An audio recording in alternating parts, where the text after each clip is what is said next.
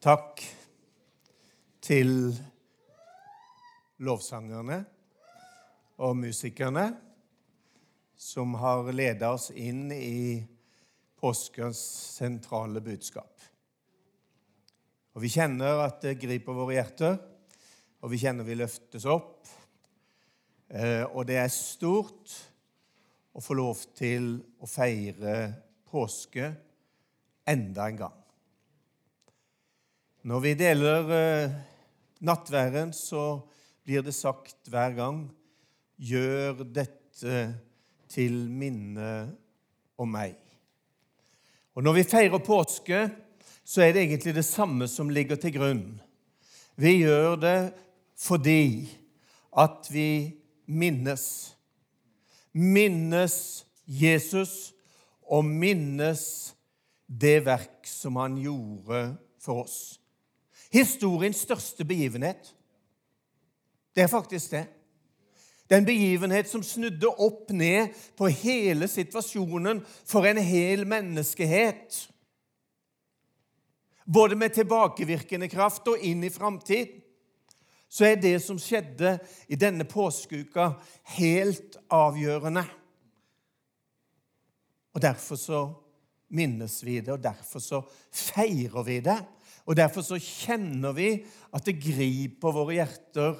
Om vi har vært igjennom det like mange ganger som vi har levd, for det har, som vi har år vi har levd, for det har vi jo, så kjenner vi at hver eneste gang så griper det våre hjerter, fordi at dette er så fundamentalt og så grunnleggende i vår tro og i vårt liv.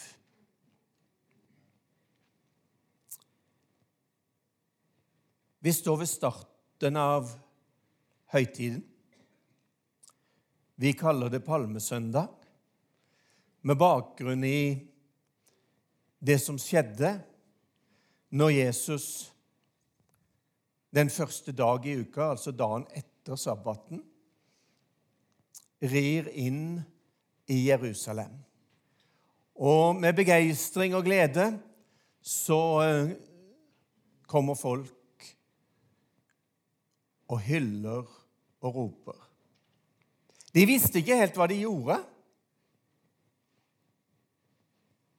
Men de gjorde det allikevel. Og de gjorde det med profetisk bakgrunn. Fordi at profetordet hadde sagt at de skulle gjøre det. Og Selv om de på mange måter var uvitende om hva de faktisk var med på, så var de med på å oppfylle profetordet. Disse begivenhetene som vi nå går inn i, det er så viktige at de er beskrevet i alle de fire evangeliene. Det er mange historier som er beskrevet i, i eh, de tre såkalte synoptiske, de tre første evangeliene, Matteus, Markus og Lukas, og så har Johannes en del annen historiefortelling. Men når det kommer til påskebudskap og påskeuka, så er dette så viktig at alle fire evangeliene legger stor vekt på akkurat dette. Vi skal lese litt av teksten først fra Matteusevangelium.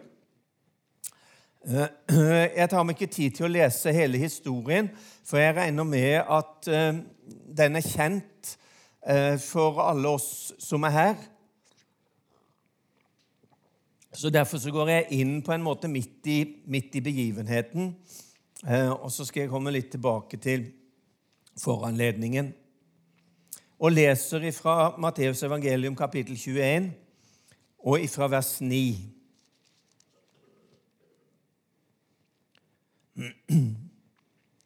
Og mengden som gikk foran, og de som fulgte etter, ropte Hosianna Davids sønn, velsignet er han som kommer i Herrens navn, Hosianna i det høyeste.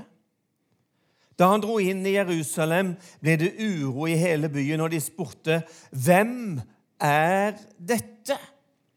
Og mengden svarte, 'Det er profeten Jesus fra Nasaret i Galilea.' Jeg har tenkt litt på dette spørsmålet som folk i Jerusalem stiller seg. Hvem er dette? For det var liksom det aktuelle spørsmålet i den situasjonen som var der og da. Men det er òg egentlig det aktuelle spørsmålet i hele Det nye testamentet. Så handler det om å besvare det spørsmålet. Hvem er denne Jesus ifra Nasaret? Marias og på en måte Josefs sønn. Hvem er han egentlig? Er han den som profetene har skrevet om skulle komme? Eller som eh, de spør han Er du den som skal komme? Er du den som skal komme? Eller skal vi vente en annen? Her er vi inne i en spesiell tid. Jesus har vært for ikke lenge siden i Betania. Han har besøkt sine venner og kanskje sin nærmeste venn eh, etter de tolv disiplene. Lasarus er død. Og så kommer Jesus inn i fortvilelsen, inn i håpløsheten, inn i nøden. Og så kjenner vi historien om hvordan han roper livskraft inn i den døde kroppen til Lasarus, og Lasarus kommer ut av graven. Tror du det skapte spørsmål, begeistring, undring i denne lille byen Betania? Hva i all verden, hvem i all verden er denne mannen som til og med vekker opp døde?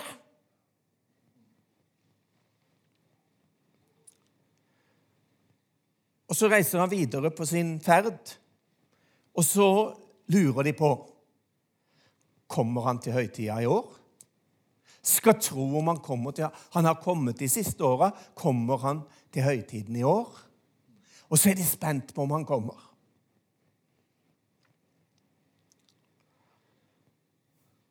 Så er det lørdag kveld. Avslutningen på sabbaten.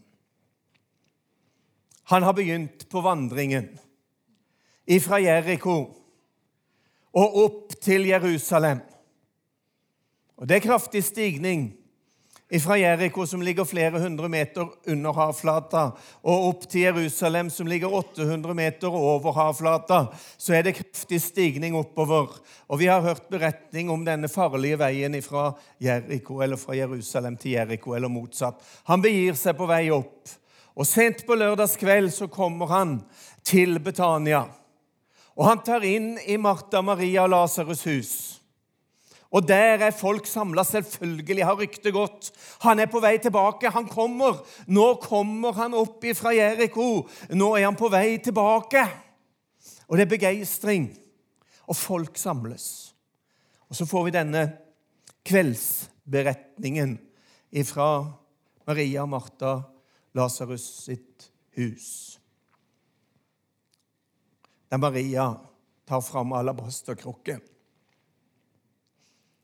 Denne dyrebare salva. Nå begynner Gud å stadfeste det han har talt om i hundrevis av år, som skal skje som en oppfyllelse på det største og den viktigste begivenhet i verdenshistorien. Nå begynner det å skje. Han begynner å legge til rette, det begynner å gjøres klart for at han skal fullføre oppdraget som Gud hadde gitt han fra evighetens begynnelse av. For Gud hadde jo lagt en plan. Han hadde en plan om frelse. Halleluja. Han hadde en plan fra begynnelsen om frelse, frigjøring, forløsning. Og alt sammen, det, det ligger der. Men, men, men nå, nå nærmer det seg. Jesus har sagt mange ganger Timen er enda ikke kommet. Tida er enda ikke inne. Dere må være tålmodig og vente litt til. Og så vet vi at De som hadde lest profetordet, de hadde levd og de hadde venta i hundrevis av år. Og De som hadde sett han i virksomhet i to-tre år, eh, de venta og venta og lurte på når skal det egentlig skje. Timen er enda ikke kommet, ser Jesus igjen og igjen og igjen. Men der under samlingen, husmøtet hjemme i Betania, så går det profetiske ordet i oppfyllelse. Så bryter Maria alle regler og all fornuft og alt sammen. Og så knuser hun den alabasterkrukka, og så lar hun denne flotte, dyrebare salve den lar hun flyte utover Jesus. Og så ser Jesus når, når, alle liksom forakter og fordømmer og lurer på Dette gjør hun som en forberedelse. En forberedelse på det som skal komme. Så kan vi ikke gå i detalj på alt dette her, men så overnatter Jesus i Så overnatter Jesus i Betania. Og eh, tidlig neste morgen så står det Dagen etter fikk folkemengden som var kommet til festen, høre at Jesus var på vei til Jerusalem. Tror du det var begeistring? Tror du det var spørsmål? Tror du det var undring? De hadde sett han hadde vært hos Maria, Martha og Lasarus for ikke lenge siden. Han hadde oppvekt Lasarus ifra de døde. Lasarus var nå levende sammen med dem. Og nå har han fått tak i en eselfole satt seg på den og er på vei til høytid i Jerusalem. Så lyder ropet Hosianna, velsignet være Han som kommer i Herrens navn. Hosianna i det høyeste. Et rop om frelse. For Hosianna-ropet er egentlig et rop om frelse. Så de som roper uten å helt være klar over hva de roper, de roper om frelse. Og de roper på frelserkongen. De roper på Han som Moses og profetene har skrevet om, Han som Gud har forutbestemt ifra evighet av, skal komme og fullføre oppdraget. Hosianna, velsignet være Han som kommer i Herrens navn. Og så lurer de, og visst lurer de, når han kommer inn i Jerusalem Det ble uro i hele byen, leste vi. Og folk spurte, 'Hvem er dette?' Hvem er han egentlig? Og Det er det store spørsmålet i grunnen for mennesker i dag òg. Å finne ut og få svar på hvem er Jesus? Det går an å, å, å, ha mange spørsmål om religion og filosofi og tanker og læresetninger og alt sammen. Men det hele dreier seg egentlig om å få svar på hvem er Jesus?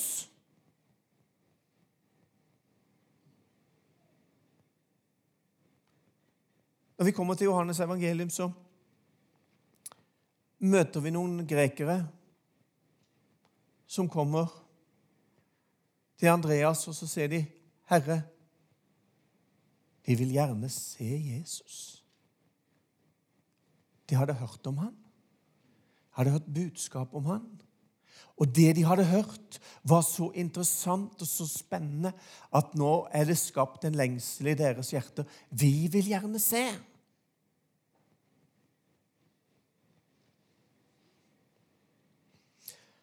Så, så, så får de noen svar. Og jeg skal prøve å bare ta kort noen svar som blir gitt på dette spørsmålet i disse tekstene om det som skjedde palmesøndag. Det første svaret det får vi direkte her i Matteus evangelium, hvor vi har allerede lest det, der det står Og mengden svarte, det er profeten Jesus fra Nasaret i Galilea. De vågte altså ikke å si rett ut at kanskje han er Messias. Kanskje han er frelseren. Men de vågte såpass at de sa han er profeten. Og så visste de vel kanskje ikke fullt ut det heller, hva det innebar at han var profeten. Men det er jo egentlig i seg sjøl en Messias-bekjennelse når de sier at han er profeten. Hebreerbrevet begynner med å si Gud har talt mange ganger og på mange måter til fedrene ved profetene.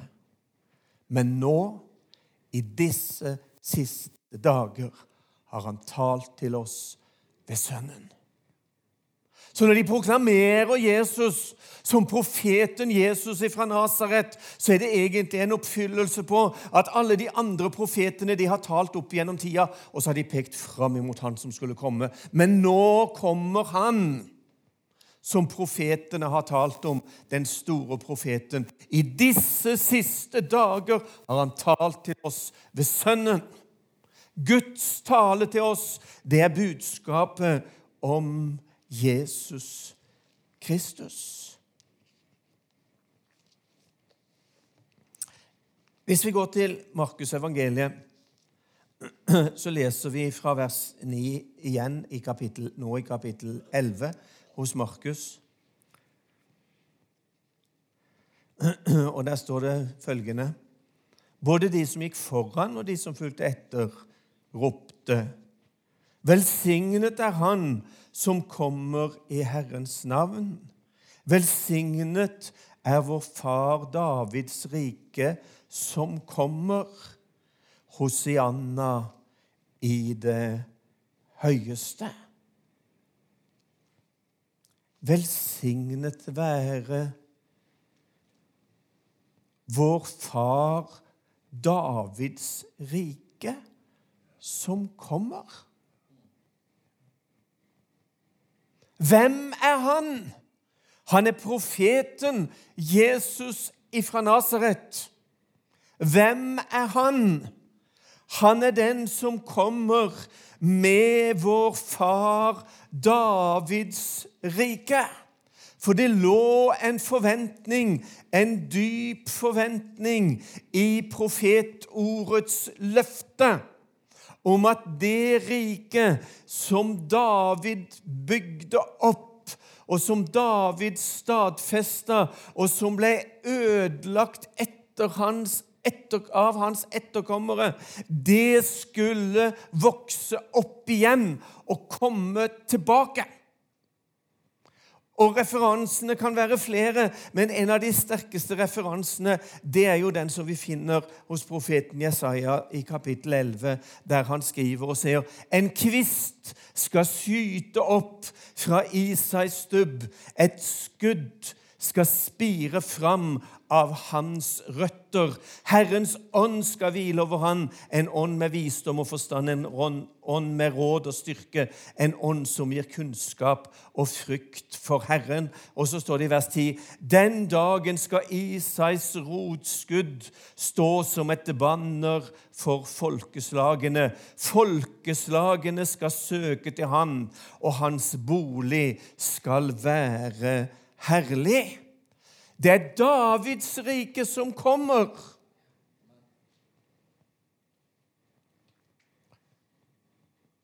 Isais stubb.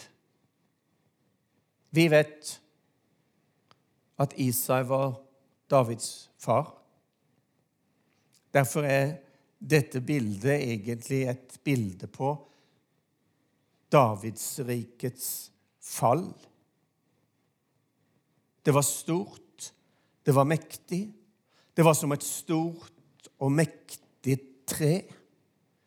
Så kommer det et fatalt fall, og så skjæres det av, og så faller det ned som et stort tre, og så står bare stubben tilbake. Det ser ut som det er over. Det ser ut som det er livløst. Det ser ut som det er dødt. Det ser ut som det er slutt. Har du sett en sånn død stubbe? De fleste av oss har helt sikkert sett en sånn død stubbe. Og noen ganger så ser den bare død ut. Men har du sett når det begynner å skyte fra en sånn stubbe? For det skjer nemlig at så lenge det er livskraft igjen i rota, så spirer denne stubben på nytt igjen. Og så skyter den friske skudd. Halleluja.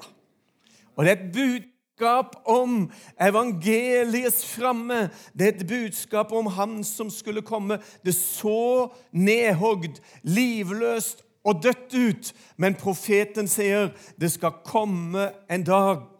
Det skal skyte opp en kvist av Isais stubbe. Et skudd skal spire fram. Halleluja. Det er profetordet som går i oppfyllelse når profeten Jesus fra Nasaret toger inn i Jerusalem til Hosianna-rop.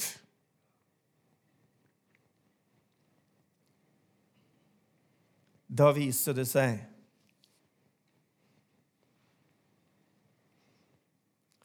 Det er livskraft i røttene. Halleluja.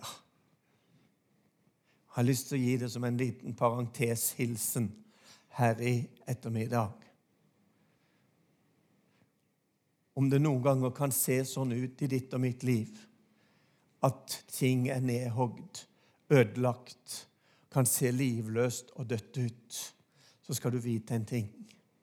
Det er livskraft i røttene til å skyte friske skudd.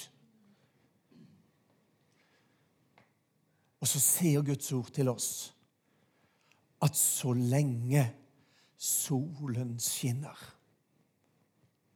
Så lenge Guds sol er på himmelen, så skal Hans navn, som vi har sunget om her i kveld, navnet over alle navn, han som seira, som triumferte på korset. Så lenge det er sol på himmelen, så skal Jesu navnet skyte friske skudd. Det er Davids rike. Det er Davids sønn som kommer. Det er Davids rike som bryter fram.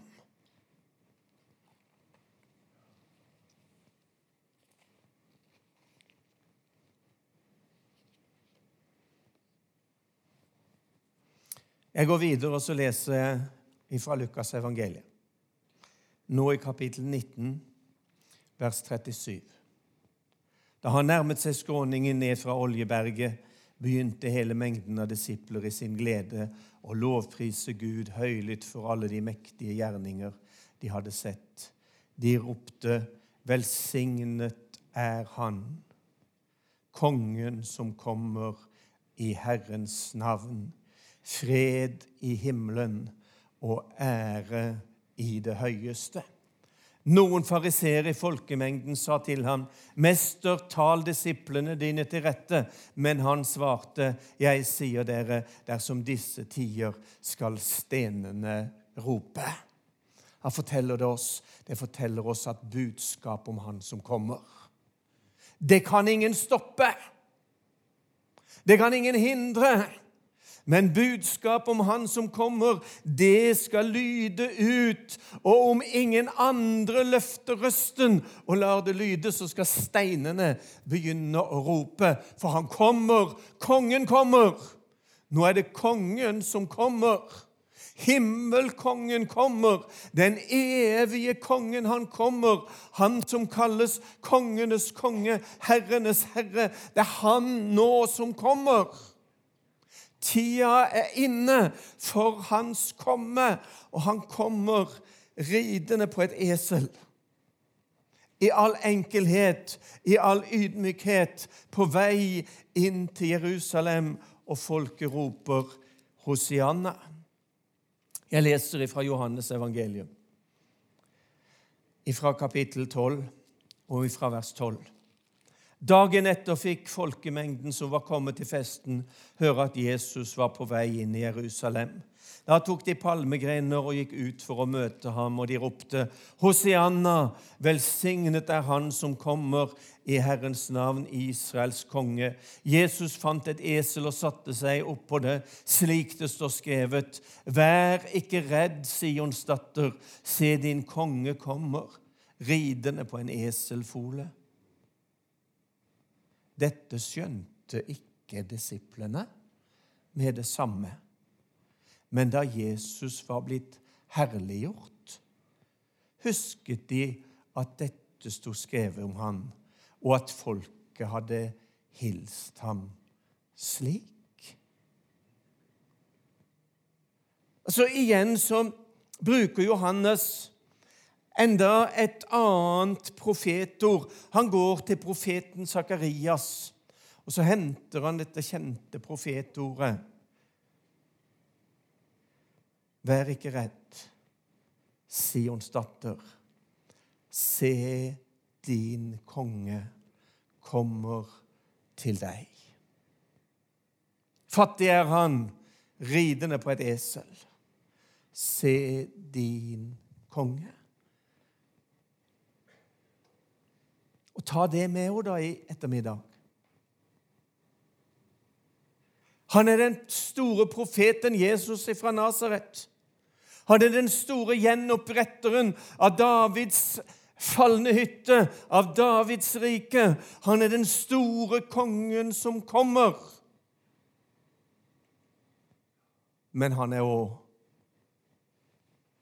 min konge. Og han er din konge. Og han kommer til deg. Og han kommer til meg. Og han kommer akkurat nå. Og så sier profetordet, løft portene, og løft dere evige dører, og la herlighetens konge komme inn. Og La det være min enkle hilsen til dere nå. Løft porter. Åpne dører. La herlighetens konge komme inn. For han er din konge. Han er min konge. Han er verdens konge. Han er verdens frelser og forløser. Han er Davids rikes konge. Han er kongenes konge. Han er herrenes herre. Men jeg kjenner at det griper mitt hjerte med begeistring over å få lov til å leve i erkjennelsen av Han er min. Jesus er min, og jeg er hans. Halleluja. Se, din konge kommer til deg. Han kommer nå. Han kommer inn.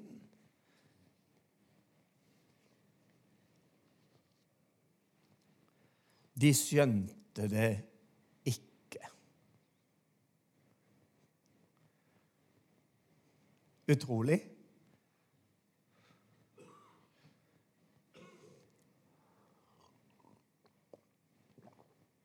Hvem var det som ikke skjønte? Tilfeldig forbipasserende? Nei. Det var disiplene.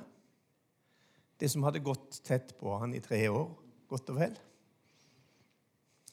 Det var de som hadde fulgt han dag og natt. Det var de som hadde hørt alle prekenene hans. Det var de som hadde sett alle undrene hans. Det var sett alt, de som hadde opplevd alt det han hadde gjort. Det var det som hadde vært med på absolutt alt. Ifra han kalte de ved Genesaretsjøen, og til de nå får følge han inn på sin siste vandring opp til Jerusalem for å fullføre verket. De skjønte det hvem han var. Det er på samme måte ikke sant, som vi leser om disse to Emmaus-vandrerne etter oppstandelsen til og med. Ikke sant? Så går Jesus, kommer Jesus, og så går han sammen med dem. Og så legger han ut skriftene, og så går han igjennom bøkene fra Moses og profetene og alt sammen, og så får de verdens beste bibeltime. Og jeg skulle gjerne ha vært der, altså. Der på veien til Emmaus, når det, at, når det at han legger ut skriftene. Og han legger ut skriftene på en sånn måte at de kjenner det brenner i hjertet. Men de skjønte ikke hvem han var. De skjønte enda ikke hvem han var, inntil han setter seg ned, og inntil han bryter brødet. Og i et øyeblikkssekund sekund, så faller det som skjell fra deres øye, og så får de se ham. Hva er det som skjer? Men da Jesus var blitt herliggjort, da skjønte de når Jesus var blitt herliggjort, ja, hva er det for noe? Jo, det er det som beskrives videre her i kapittel 12, når det at disse grekerne har spurt eh, Philip om, eh, om, at de vil se Jesus. Da svarer Jesus for første gang i vers 23, og så sier han Jesus svarte, timen er kommet. Menneskesønnen skal bli herliggjort. Og Så kommer han med budskap om hvetekornet, og så sier han hvis ikke hvetekornet faller i jorden og dør, så blir det bare det ene korn. Men hvis det dør, så bærer det mye frukt. Og så gir han de enda en åpenbaring av hva som skal skje. Hvetekornet som faller i jorden og dør, og som bærer rik frukt. Han døde, men sto opp.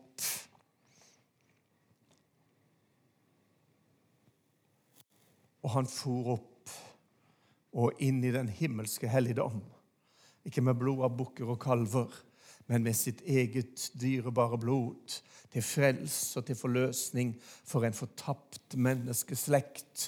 Og han som ble fornedra, lydig inntil døden, ja, korsets død. Han som var villig å ikke bare gå veien opp til Jerusalem, men han som var villig å gå veien helt til korset. Han som var villig å gå veien helt inn i døden. Og derfor har Gud høyt opphøyet han og gitt han et navn som er over alle andre navn.